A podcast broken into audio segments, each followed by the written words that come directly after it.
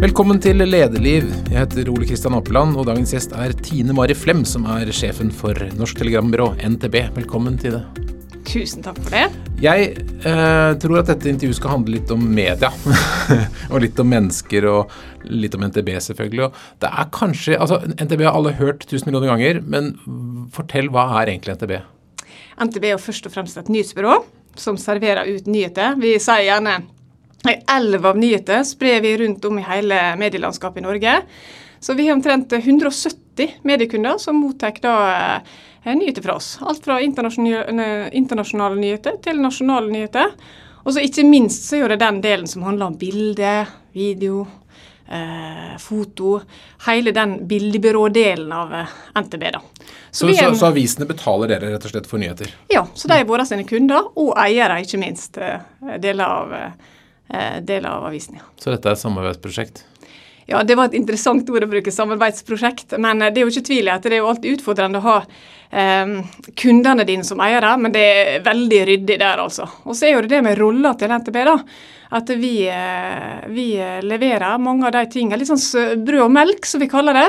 Så slik at alle, at ikke alle mediekundene våre slipper å sitte og lage det samme eller produsere det samme. Eh, er det det. Og så har jo, jo NTB utvikla seg veldig mye de siste åra. Eh, for den tradisjonelle nyhetsbyrådelen har jo også nå beveget seg over til at vi er blitt en ganske stor leverandør av medieteknologi. Eh, så én ting i elva av nyheter og foto og video som vi snakker om her, da, men, eh, men, vi leverer også ganske mange løsninger. Alt fra fotballrobåter, mm. eh, som leverer referat ned til på G14-nivå, eh, til mediebankløsninger som lagrer bilder og video for eh, ikke bare mediekunder, men også andre store kunder. Og til at vi har eksempelvis pressemeldingstjeneste med egen kommunikasjonsplattform.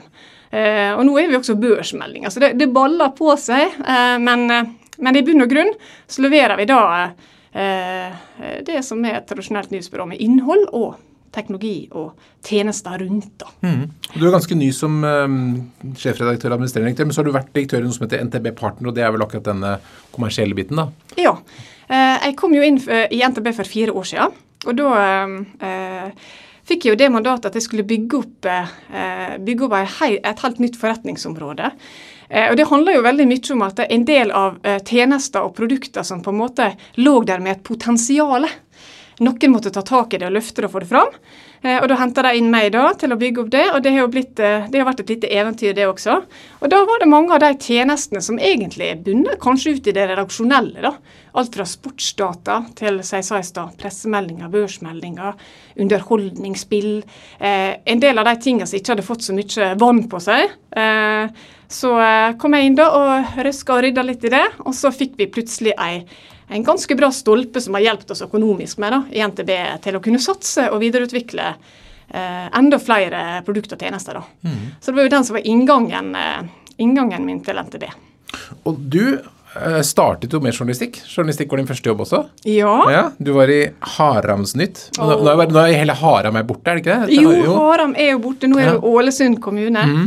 Så er litt, den er litt tung, den altså. Det, de jobber jo hardt nå da for å få tilbake Haram nå. for å i Ålesund kommune. Men ja, jeg starta i Haramsnytt. Nå heter den avisa da Nordre. Eh, og det var jo min lokalavis som jeg vokste opp i, da. Så jeg som eh, tidlig visste jeg skulle bli journalist, jeg var jo, starta jo der i, som ung frilanser. Da vet du, og meldte meg, meldte meg tidlig inn i gamet på, når det gjelder journalistikk. Hva var de beste minnene fra tiden i Haramsnytt? Har du noen store skup? Store skup, ja. Den er kul. Nei, eh, beste minner Vet du hva, egentlig så er det det med at når du starter eh, som eh, journalist i lokalavis, så blir jo denne poteta som man så ofte snakker om, da. Så du får jo levere på hele eh, levere i hele landskapet, alt fra å dekke eh, kommunestyret til å plutselig lage feature-reportasje der du blir med den største fjellgeita i Haram kommune opp på de eh, toppene der. Vi har jo veldig mange fine fjell veit du, på Sunnmøre. Eh, og det var spennende og lærerikt, også. Men det er, jo, det er, jo, det som er med å være Jeg tror den aller beste måten å eh, lære journalistikk på, det er å starte i en lokalavis. Altså. Mm. For da får du hele spekteret. Du dekker fotballkamp, og du er ute i ja, på kommunestyret, og du er på fjelltopper, og du er ja. Og journalist er jo faktisk blant de yrkene man nesten bare kan melde seg. Altså, så Hvis man er ung og gira og går til lokalavisen, så får man jo stort sett alltid lov til å skrive et eller annet. Ja, det er det, og så sorterer de fort ut da hvem som har en, eh, en bra penn og ikke. Ja, ja. Eh, Men det er sant. Er du, er du eh, på og ivrig nok der, så har, får du mulighetene, altså. Og det tenker jeg sånn eh, i forhold til En ting er Haramsnytt, men jeg var jo også en del av Ung-redaksjonen i Summersposten her, da. Så det er akkurat som du peker på. Vil du, er du interessert i å Er du nysgjerrig som person? eh, og får liksom 'license to ask', som jeg ofte sier, så er det er, Kan du fort komme deg inn hvis du vil, altså. Hvis du står litt på. Hva var drivkraften for å ville bli journalist? Eh, det handler, jeg tror du, Jeg, jeg tror for meg eh, eh, denne nysgjerrigheten på folk, det å like å snakke med folk, eh, det å like å finne ut av ting. Det er jo litt sånn floskel når du sier som journalist, da. Men, eh, men for meg så har jeg alltid, eh, alltid vært sånn nyhetsjunkie sjøl da jeg var liten. Lest mye og lest aviser. og og ønska vitebegjærlig, da. Så det har vært en, en inngang. Og så har jeg alltid vært veldig opptatt av utenriksjournalistikken. Den, eh, den har fascinert meg. Eh, liker å, eh, å le, jeg har lest mye om det. Så jeg tror kanskje det var den store, store sånn inngangen. da, At jeg hadde den, eh, den reisa som journalist, og det å ha lyst til å være med på det å få, få, eh, få det mandatet til å kunne egentlig spørre hvem som helst, altså. Det var bare du hadde med deg den eh, eh, når du ringte også, at ja, du er fra Haramsnytt, eller du er fra Summersposten, eller hvor enn du jobber da. Det mandatet du har med deg i, i avisa i, på sekken, det, det er et mektig eh, mandat, det, men det er spennende. Så Er det noen spesielle reportasjer du husker fra Haramsnytt? Ja, spesielle reportasjer. Nei, det, det er vel litt sånn enkelt hva en husker, da. Jeg husker jeg var på alle fjelltoppene rundt i nabolaget, og det fikk jo masse oppmerksomhet for at hun journalisten som for og traska opp på fondet. Eh, og så var det men det, men det er jo det som er med lokalavis, med at ofte så er ikke det disse der noe hardbarka reportasjene. sant? Du var så tett på næringslivet, og du var så eh, Så det var en sånn fin balanse der i å være, i å være den eh, eh, den personen som var rett og slett bare ute og rapporterte på alt som skjedde med kulturliv og sånn. Eh, men jeg kanskje, jeg kanskje husker mer ei reportasje som jeg hadde i Summersposten, eh, som jeg jobba masse med, som ikke kom på trykk. Eh, og det er en sånn ting som du som journalist da eh, Det var en far og ei farssak som var i grunnen ganske eh, skal ikke gå inn på eh, detaljer rundt den. Eh, poenget er fortsatt det samme. at eh, Jeg jobba masse med den. eh, Og kom gjennom Nav-systemet, kom gjennom alle kanaler. Jeg var så stolt av at nå hadde det løst seg. Og så sa redaktøren til meg da at nei, det her kan ikke vi trykke fordi det har løst seg.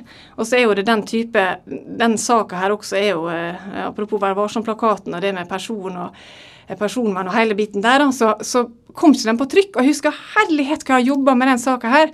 Da sa jo redaktøren til meg med at ja, men vær stolt av det du har fått til, for dette er også en del av det å være journalist. At du, eh, du, eh, du er med på å, eh, å forandre ting og sette spor på en helt annen måte, da. Selv om ikke det kom på trykk, da. Men så krysset du da grensen fra journalistikk til kommunikasjon, mye i Posten. Eh, det, hva var tanken bak det? Eh, The dark side, som de sier. Ja. Hva var tanken bak det? Vet du hva, det er i grunnen veldig tilfeldig. Um, eh, da jeg hadde jobba i Jeg starta å jobbe i Haramsnytt med en gang jeg kom fra, fra Australia, der jeg gikk på skole. Så jeg, jeg begynte liksom, jeg kom rett fra skolebenken og rett inn i lokalavisa. Og så hadde jeg jo egentlig ikke helt bestemt meg, eh, bestemt meg eh, hva vei jeg skulle gå. Eh, Men mens jeg jobba i lokalavisa i Haramsnytta, så fikk vi tilsendt noe som heter Postavisa på den tida. Eh, Og som heter Oss mennesker imellom, som også var et magasin som gikk ut til hele Norges befolkning. Og et annet magasin med, som var Dialogmagasinet. Og Jeg husker jeg var så imponert over kvaliteten på journalistikken, det grafiske designet.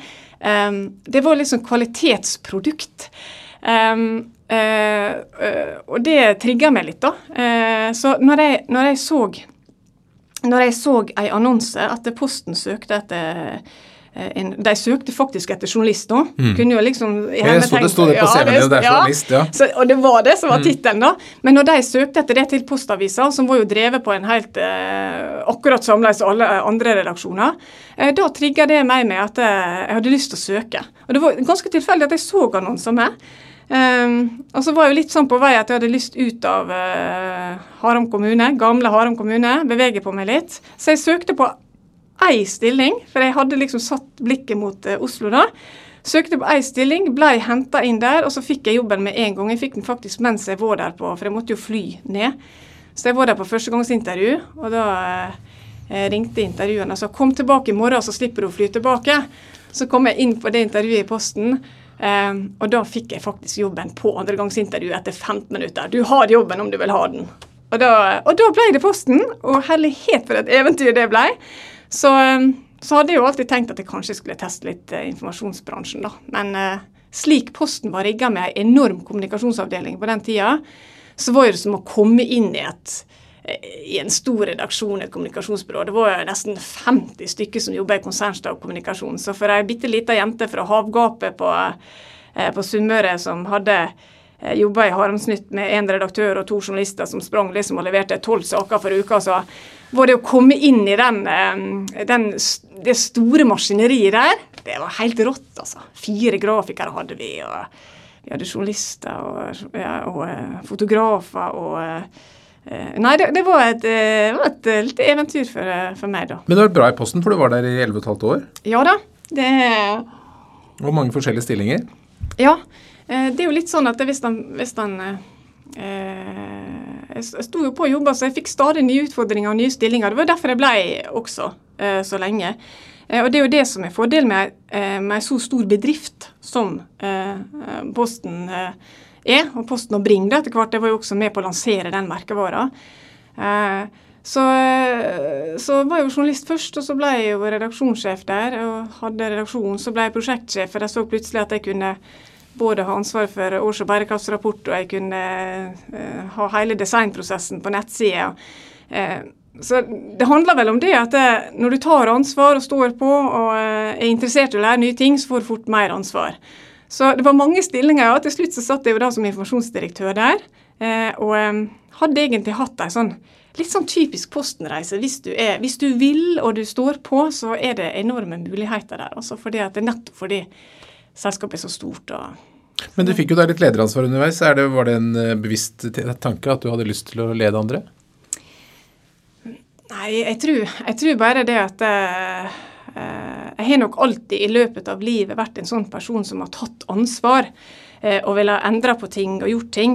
Eh, jeg bruker ofte å si at jeg kommer fra en, eh, en kultur med høy arbeidsmoral. Ja, når du, når du vokste opp ute i havgapet, så må du liksom, skal du endre ting, må du ta tak i ting. Og det har jeg jo tatt med meg inn i arbeidslivet med. Så, så øh, da er det vel naturlig at du kanskje får ansvar mer, da, hvis du tør og hvis du tar det så, så øh, ender det ofte sånn at du får stadig mer. Da. Men jeg har, ikke, jeg har egentlig ikke hatt noen eh, stor ambisjon om å skulle få eh, nødvendigvis ta en lederposisjon eller ta ansvar. Men jeg har alltid syntes det var gøy å vært med på å forme ting.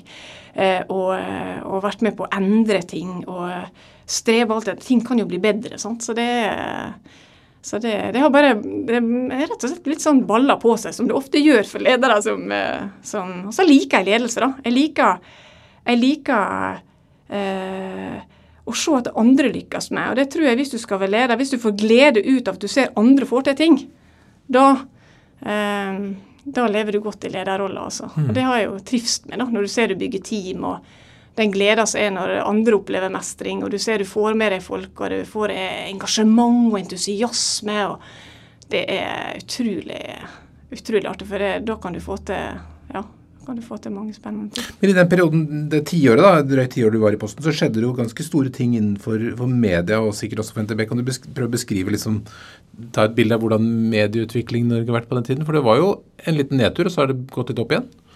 En liten nedtur og så opp igjen, ja. Mm -hmm. Så jeg bare kom, jeg kom akkurat inn i NTB når den oppturen liksom seilte oppover. Det var helt strategisk. Mm. helt planlagt.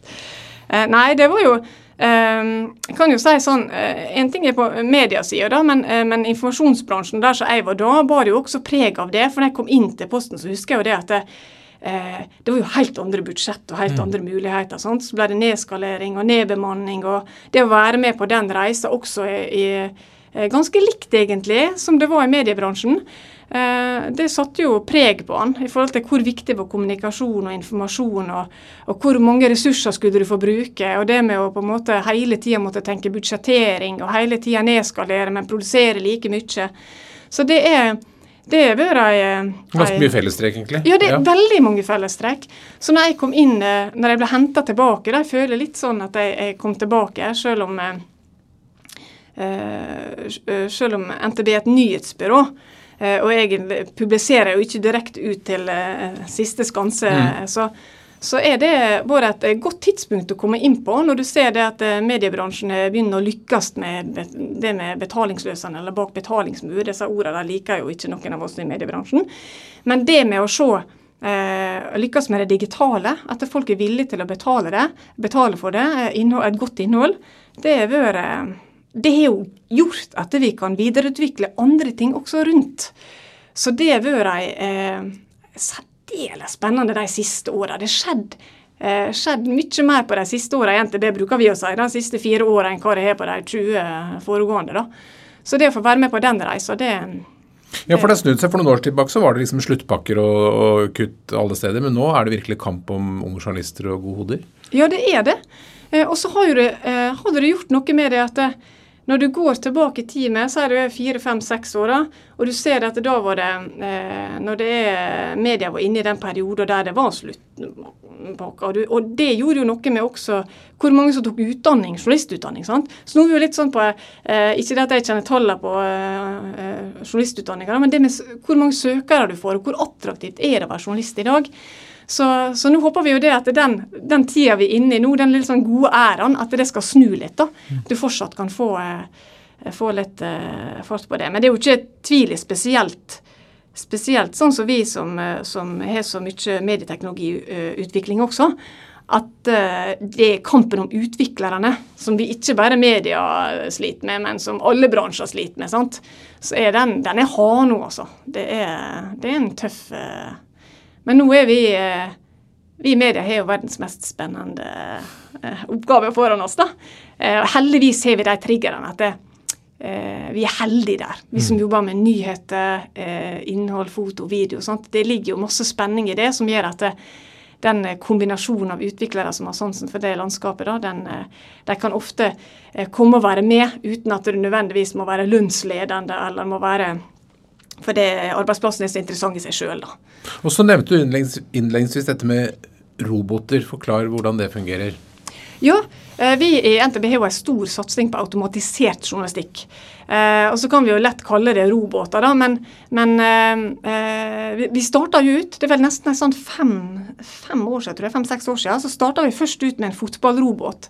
Og den har jo fått masse oppmerksomhet, ikke bare nasjonalt, men internasjonalt. Rett og slett som lager eh, artikler, genererer artikler basert på tallmateriale bak. Eh, og gjør om tabeller. Hvor høyt er du oppe, hvor lavt er du nede, hvem skårer eh, siste målet, hva er stillinga i forhold til forrige kamp. Sånne ting som tar tid hvis du skal eh, rapportere på det for hånd, men som en robot da lett kan, kan sette sammen på, gjennom tallmaterialet. Og Den reisa NTB har vært med på ved å utvikle den fotballroboten, da, det har jo også gitt oss vann på mølla for andre roboter. Så nå eh, har vi jo en stor satsing på automatisert journalistikk. vi er Boligrobot, næringsrobot, eh, vi skal utvikle noe hytterobot eh, cyborg. Det som ikke minst er robåter som gjør f.eks. med Statistisk sentralbyrå. Når de kom, kom i navnestatistikken nå, så har vi robåter da som går inn og sier per fylke hva er det mest populære navnet. Eh, per kommune hva er det mest eh, populære navnet. Og da, eh, eh, for NTB, som skal prøve å levere til et helt medielandskap med 170 kunder, så er den type eh, automatisert journalistikk gjør jo det at det blir aktuelt for også de små og mellomstore eh, avisene på en helt ny måte enn hva det har vært før. Eh, at de får, eh, får, journalistikk som de kan bygge videre på, eller rett og slett bare publisere rett ut. da. Så for NTB, den rolla som leverandør av sånn automatisert journalistikk, så er den veldig passende. For, da, for det hadde jo selvfølgelig vært ut hvis alle, eh, alle det er jo ikke kjangs til å bygge sånne roboter, alle de små og mellomstore avisene. Det er jo kanskje bare noen store i, i Norge som hadde hatt råd til å lage og bygge sånne typer roboter sjøl. Så da kan heller NTB ta den rolla, bygge robotene, og så får alle glede av det på, uh, i det norske medielandskapet. Hvordan føles det for en gammel eh, Haram-journalist å se at en datamaskin bare spyr ut de samme tingene på, som tidligere ble gjort av journalister? Ja, jeg tror, jeg tror, dette er litt sånn misforstått. For at han tror at eh, robotene skal komme, eh, komme, og ta over for journalistene. Men sånn er det overhodet ikke. For jeg tenker dette her er eh, Det vil spare journalistene for jobb. Eh, så det, du kan bare se på en robot som en god kollega. Den gir deg innhold som du kan eh, videre eller arbeide og knogge den opp og lage den enda bedre og større og, og viktigere med å få den lokale Med å bygge på da med lokale personligheter eller den, den delen der. Så tror jeg, jeg, tror jeg eh, det vil aldri komme roboter som kan ta over som journalist. Det med, som jeg sa i stad, det med å spørre og grave og finne. Og, for du vil ikke få denne der noe Eh, den nære, gode vinklinga gjennom en robot. Men i forhold til å levere Det er ganske bastant påstand at det aldri vil komme. Du, ja. Vi vet ikke det. Ta, ta, ta meg på den om 50 år. Nei da, men jeg tror ikke, det, det tror jeg faktisk ikke. Men, men uh, uh, det med statistikk for hytte, ja. eller statistikk for navn, eller det tror jeg vi kan leve fint med, altså, som en hjelpende hånd og hjelpende robotkollega. Liker avisene dette? Eh, noen, Når de oppdager hva det er, så, så liker de, for de ser jo jeg ser jo gleden, eh, gleden, i det, å få en hjelpende hånd. Det samme er jo, du kan jo f.eks. bruke et godt eh, Ta fotballroboten, da, som kan eh, sende ut 300 referat fra alle ligaene ned til G14 i en region. Det hadde aldri en journalist kunnet dekt. Og når du leser, leser robotreferatet, så skjønner du at da får du bare de helt konkret oppsummert en liten del av det. sant? Skal du lage en sak på det, mm. så må du på en måte og når folk ser hva det egentlig er, så tenker de oi, så kult at vi kan eh, tilby våre kunder det her eh, ut. det blir en liten ny nisje for journalister å lage de malene som på en måte robotene kan fylle data inn i? Ja, ikke minst. så det er ja. Spennende. Ja. Men på hvilke andre områder vil teknologi, eller er teknologi i ferd med å endre journalistikken og mediene? Nei, Jeg tenker spesielt på Eh, det med metadata og tagging også. sant? Eh, det med jo eh, den delen som er et verktøy for journalister i forhold til å kunne gå inn og, og, og hente opp informasjon, historisk informasjon, og kunne grave enda bedre enn vi kunne gjort før. Det er jo én del. Og sånn som vi i NTB, vi jobber jo masse med AI inn mot Altså kunstig intelligens? Ja, ja. Kunstig, kunstig, intelligens innen f.eks. på Mediebanken når det gjelder nordiske eh, bilder. Når det gjelder f.eks. Han kan si eh, ansiktsgjenkjenning på, eh, her i Norge med politikere og med eh, idrettsstjerner som er mindre kjent ut av det internasjonalt, men som i Norge er veldig kjent. Sant? Så kan vi jobbe med AI-løsninger som gjør at det, at det blir lettere tilgjengelig også her nasjonalt. da. Eh, samme er med logo detection, som vi kaller det. med at eh, De store løsningene ute eh, som driver med AI i forhold til bilde og foto, de er jo klart opptatt av det som amerikanske logoer eller britiske logoer. Men mm. Kiwi-logoen vår f.eks., eller nasjonale logoer her som vi har i Norge, der kan vi bygge AI-løsninger på som, som er med på å skape lettere både for journalister og for de som skal finne fram til ting. Eh, ikke minst. Da du kom fra Posten over i NTB, så var det da for å gjøre et kommersielt løft på, på dette partnerområdet. Hvordan jobbet du da? Det var eh, når jeg kom inn i NTB, så hadde jeg akkurat gjort en sånn eh, en strategi. Der det at de hadde sagt at det området her, da kalte de det faktisk oppdrag og tjeneste. Da skjønner du hvorfor jeg ville endre det navnet. Det var jo litt traust og tungt. Men ideen var, eller konseptet var bra. Men det var på en måte ikke journalistiske delen? da? ja, mm. Eh, men mm, ikke journalistisk. Mange av de produktene som jeg fikk i den porteføljen, var jo egentlig eh, journalistisk.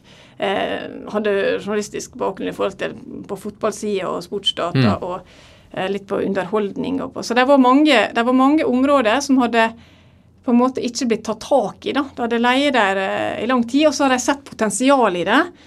Men hvis du ikke løfter det opp og fram, og ikke får, eh, får tenkt nytt, tenkt nye strategier på det, eh, så blir det gjerne liggende brakk der. Særlig en sånn plass som NTB, der at det, du skal ha fokus på, det er jo nettopp nyhetene. Det er jo der du skal være eh, der, der, må jo være pålogga hele tida. Så det å, det å, ta ut de områdene med potensial i, og begynne å rydde i det For det var veldig mange ting som jeg kutta ut også.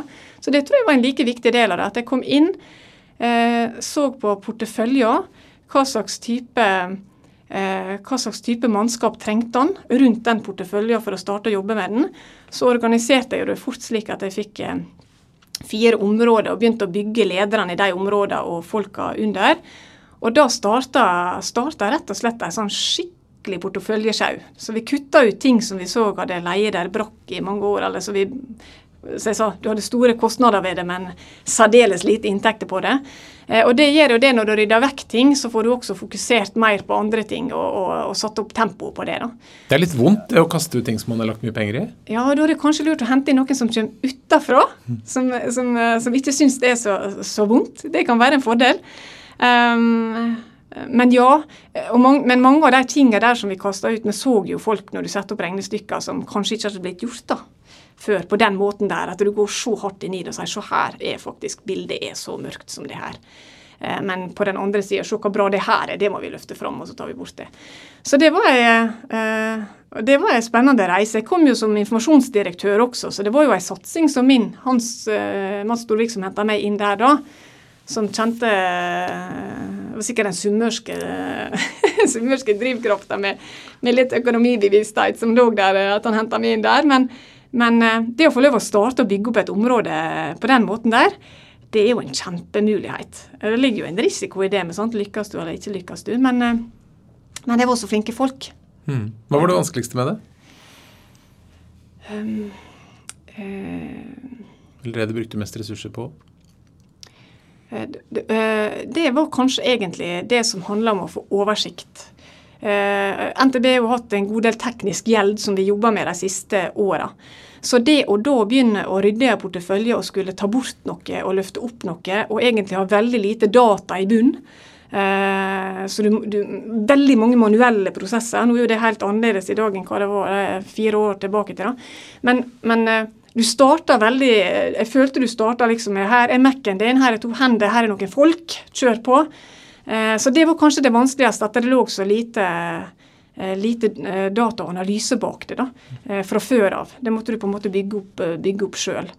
Og så Særlig det på økonomisida med. Når at du har så stor produktportefølje som NTB har, hadde altfor stor produktportefølje og dårlig oversikt over den økonomisk med, så tar det tid. altså. Jeg husker, jeg husker vi måtte gå inn bare på det med produktnummer og kunder og all denne jobben som folk egentlig ser på som en sånn her forferdelig eh, Egentlig en litt sånn drittjobb, men som du må gjøre for å få oversikt. Det var kanskje den tingen som tok mest tid. Men når vi først hadde gjort det, rydda opp, hadde en god grunnmur, da var det bare å kjøre på. Men da når du kom inn i den rollen som leder, hadde du en veldig klar tanke om hvilken, hvordan du skulle oppfattes som leder?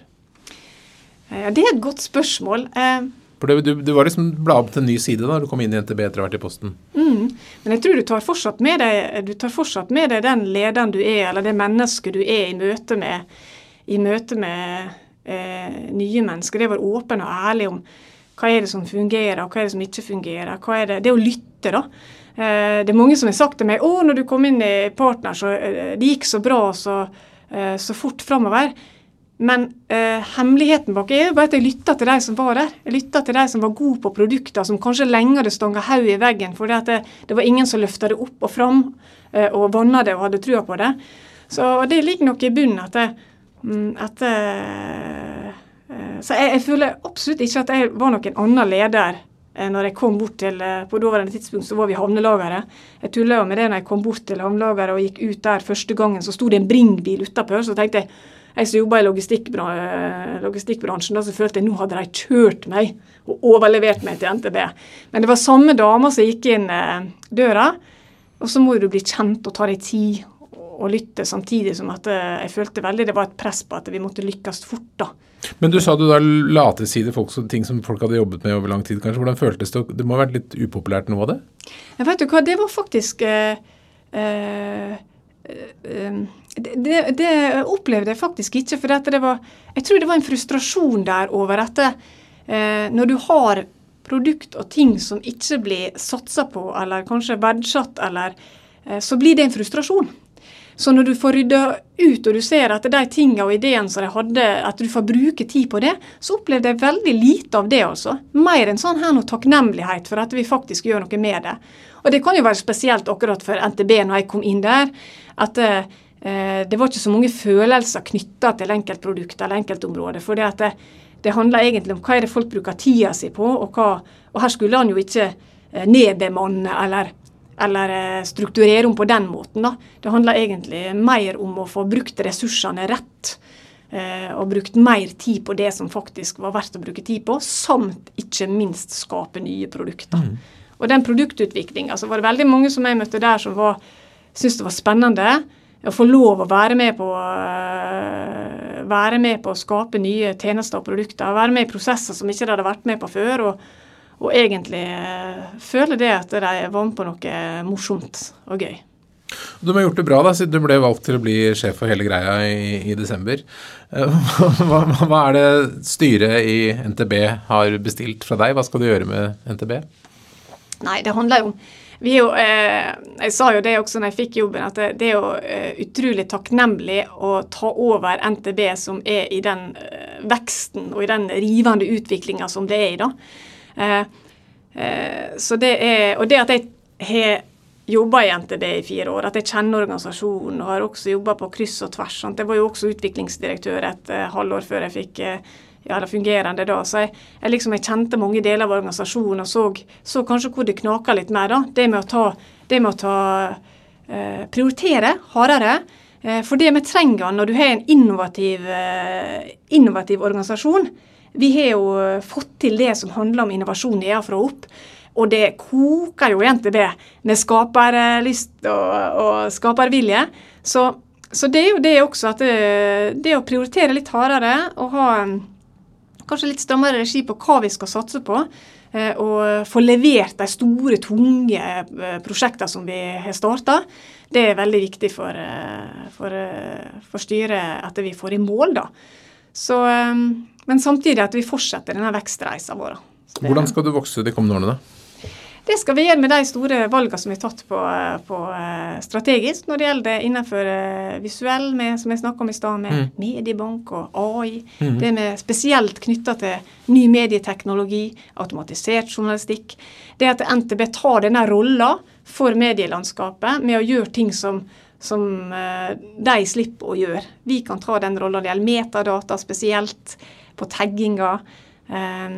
Det å ta Egentlig, Vi har jo en sånn ambisjon i NTB om at vi skal eh, være kundens beste samarbeidspartner. Eh, og akkurat den funker for oss, for at vi jobber tett med om det er TV 2 og Sportsdata, eller om det er eh, Skipsted og Mediebank, eller hva det er. Så skal de føle det at vi er på en måte vi er en utstrakt, vi er høyrehånda deres som fikser de tingene som de ber oss om å fikse. Så vi skal vokse vokse, ikke vokse i medielandskapet, men også det å gå utafor media, fordi vi har løsninger som er interessante for andre.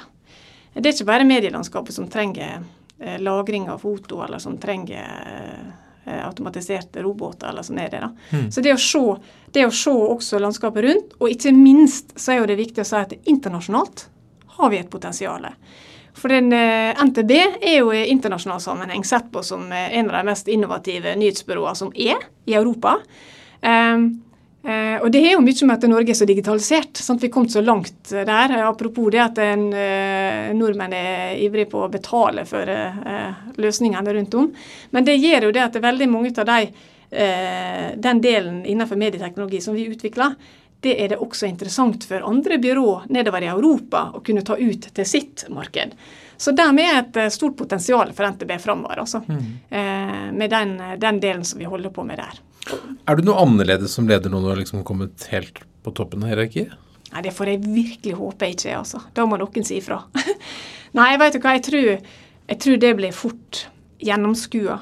Eh, Eh, det er Nei, jeg tror jeg er ganske lik. Det er bare det at du får jo med deg mer erfaring. Du vært gjennom en del eh, eh, Ja, du har vært gjennom en del sånne eh, problemstilling eller utfordring, eller hva du kaller det, da, så gjør det at du kanskje er tryggere i settinga når det brenner. Mm. Og det er jo godt å ta med seg når du har hatt lederansvar i så mange år som jeg har.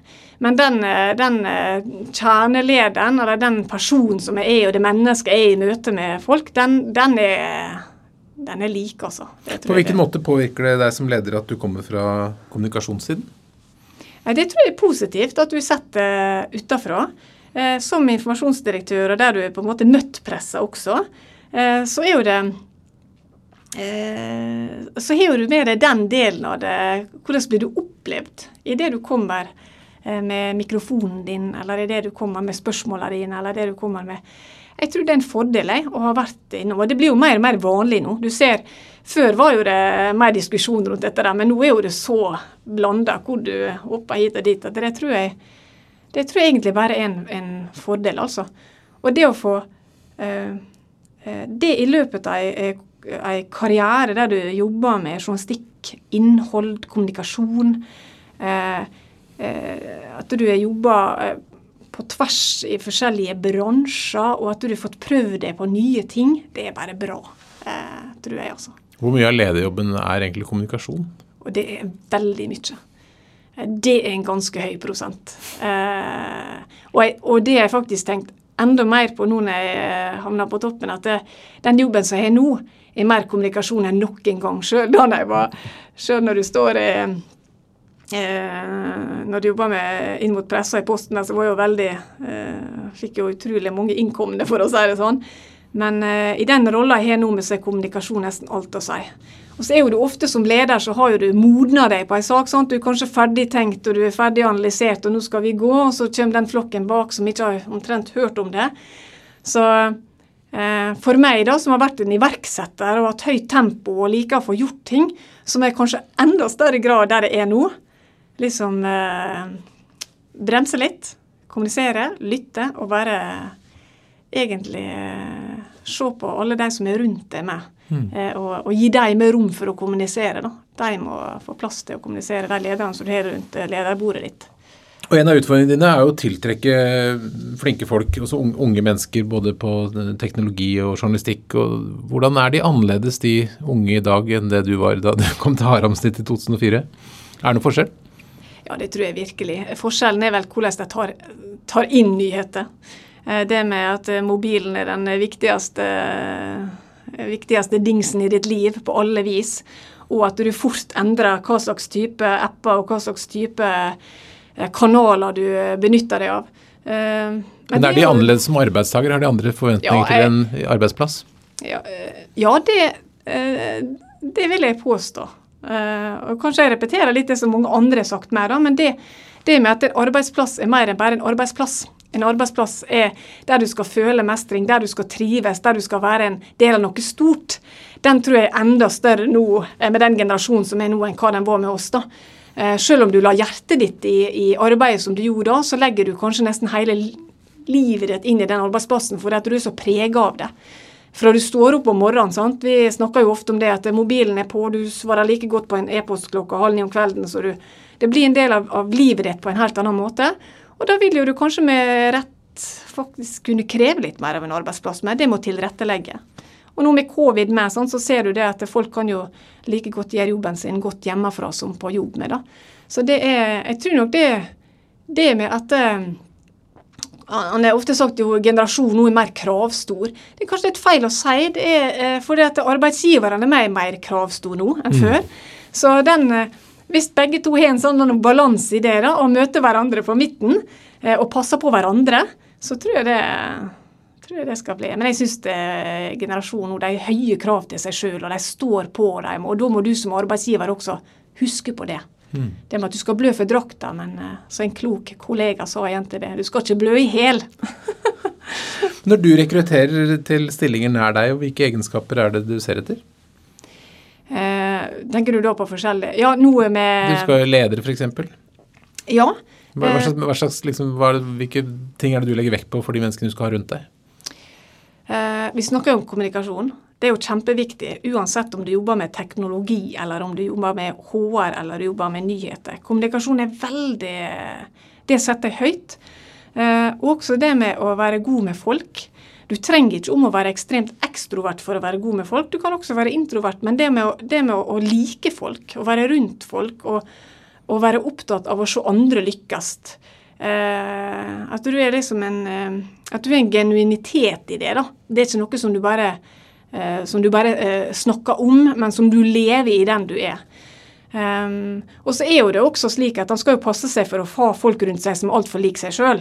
Uh, uh, det er lett for å gå i den fella at du gjerne, du gjerne velger. Så det å, ha, det å, ha, forskjellige folk rundt seg med forskjellige egenskaper, der du er noen ekstroverte introverte, men i bunn og grunn, det med å være god på kommunikasjon og det å være god med folk rundt deg og ønske at andre lykkes, uh, og ha og ønsker å få til noe over gjennomsnittet med. Jeg liker gjerne folk som har, tør å si de har en ambisjon. Tør å ville sette spor. Uh, det er, og det merker du, det merker han fort på, i møte med mennesker. Hvem er det som virkelig er Hvem er det som går på jobb for å bare gå på jobb, eller hvem er det som er der for å sette, liksom få til noe? Og finne glede i det, da. Hva er det du opplever som utfordrende med den jobben? Hva, det, hva, tenker du er, hva er det du er usikker på, som du lurer på? Eh, I eh, jobben som jeg har nå? Nei, mm. nå er jo den eh, Ganske ny, da. ja, ganske ny. Jeg spør meg om et år siden til å si nei. Um, nei det er, er jo utrolig heldig som har så mange flinke folk rundt meg. Eh, og det var jo viktig når jeg tok på meg jobben med. Sant? Jeg har jo et kjempestødig redaktørkorps rundt uh, ned i linjene som er så eh, trent. Eh, eh, og det å ha de gode støttespillerne Nei, det, det jeg tenker som jeg må eh, kanskje være ekstra obs på, da.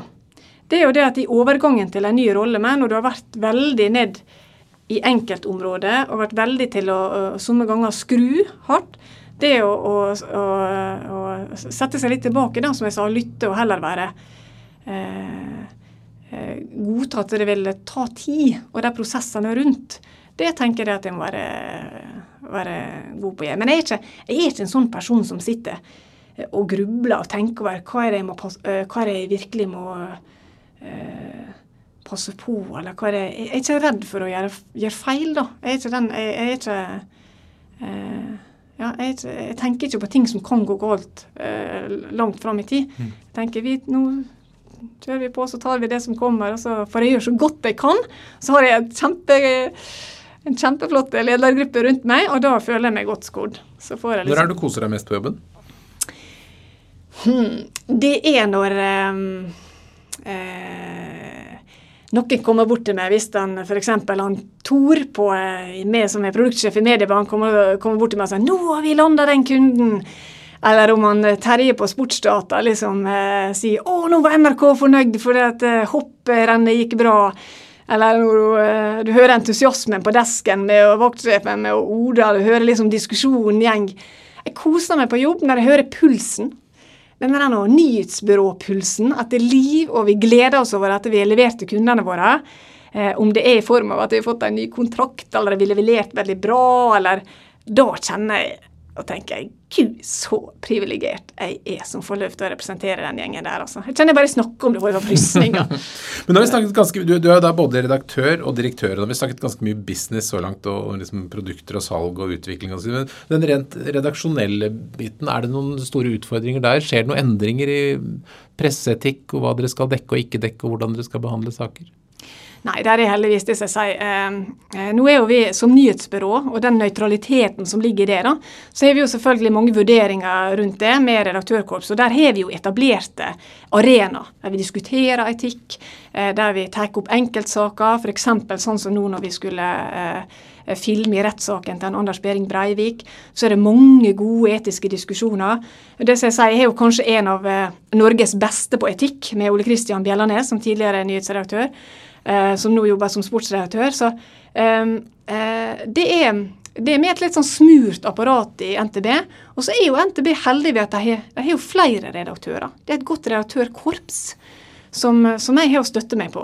Så, så, så uh, i det så, så jeg, føler jeg det at jeg er kommet inn i, en, i et sånt hjul som går, og som er, er veldig, veldig på.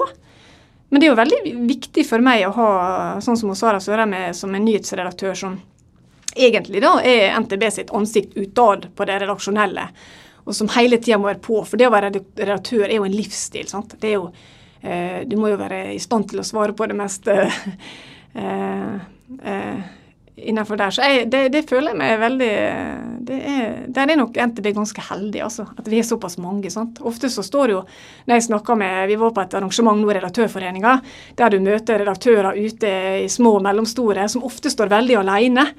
Der er jo Flem privilegert, ja. Mm. At jeg kan eh, kjapt ta en telefon eller kjapt uh, lese logger, og jeg ser alt som uh, ting som er diskutert. og er, ja. Du ser jo mye mediebedrifter, store og små. Er, er det mye god medieledelse rundt omkring? Ja, det, det vil jeg jo påstå nå. For jeg syns egentlig vært Dermed syns det har skjedd en endring. Det har kanskje skjedd en endring på medieledelse nettopp ved at det er blitt litt sånn eh, sprøyta inn energi og litt økonomi og midler de siste åra som gjør det at det er lov til å tenke litt stort, og det er lov til å eh, satse og ansette på, uh, ansette på nytt. sånt. Det er ikke alltid det at du skal nedskalere. Det, det tror jeg gjør noe med ledelsen. med. Eh, og de er nok litt med de rundt som ønsker å være med og ta ledelse. Da. Så eh, vi er, media har jo mye å gå på, la det være sagt. Det er jo dårlige ledere. Nei, Det er ikke kjent tradisjonelt kanskje for den sektoren med best ledelse? Nei, det er, vel, nei.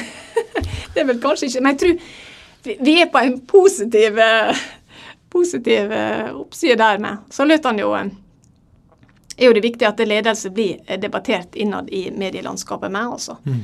Spesielt når en har en sånn uh, rolle som redaktør med. Så er det lett for at det blir det journalistiske sant? og de, de tingene rundt der. At det blir det som opptar deg.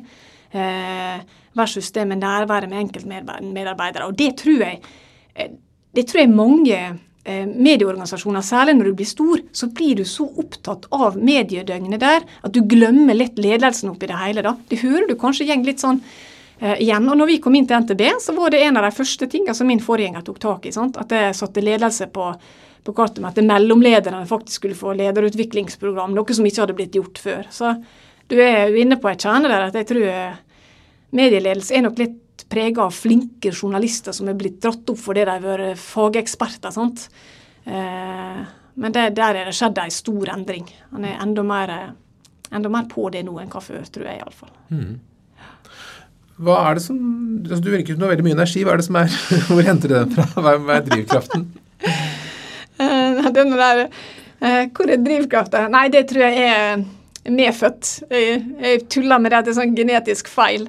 Uh, bare at jeg Nei, det, jeg ikke, sånn har jeg alltid vært siden jeg var liten. Så legger jeg jo kanskje mye Jeg legger jo energi i det som jeg, som jeg bryr meg om, og som jeg er engasjert i. og som jeg er. Så det tror jeg nok bare er den har jeg alltid hatt med meg. Eh, og så får jeg høre at det kan smitte litt med, og det tror jeg er positivt som leder. At når du tar med deg inn en god energi inn i et rom, eller du eh, Særlig når du skal skape ting og få til ting, sant? så det, kan det være en, en, fordel. Men for meg er det absolutt ikke på Det er bare noe som er der. som alltid har vært der.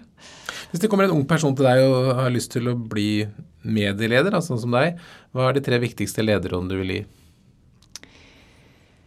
Um, det er å uh, lytte. Uh, lytt til de som er rundt deg, og hør. Ikke tenk det at du skal finne på alt sjøl, at du må være så innovativ eller på det. Lytt til de rundt deg, for løsningene ligger der som regel i, i bunnen fra før. Tør å kommunisere, tør å fortelle. fortell om det som er, ikke, ikke gjem det bort. Um, og så å uh, rett og slett være ekte. Uh, fordi at det, spesielt, uansett hva bransje det er, men jeg tror spesielt i mediebransjen og journalister, de er, de er kravstore der rundt, så de, de, ser fort igjennom om du har på deg en påtatt rolle. Så vær deg sjøl, vær ekte. Eh, ikke tenk det det de ulempe at jeg ikke Sånn som jeg som er ganske energisk, da, så tenker jeg sånn Du må ikke være energisk. Vær deg sjøl. Og har du en glede i å lede, så, så, så stå i det, og så vær ekte. Gode råd. Tusen takk for at du kom til Lederliv, Tina Marie Frem. Takk skal du ha. Lederliv er en podkast fra Apeland. Vi legger ut nye episoder hver fredag, og du kan trykke abonner, så får du et varsel. Redaksjonen består av Ellen Paulsen, Lars Jarle Melum, Lars Volden og meg, som heter Ole Kristian Apeland. Vi er veldig mottagelige for ros og ris på e-post til meg, ole at apeland.no. Eller du kan gi oss en stjerne der hvor du hører podkasten. Takk for at du lytter.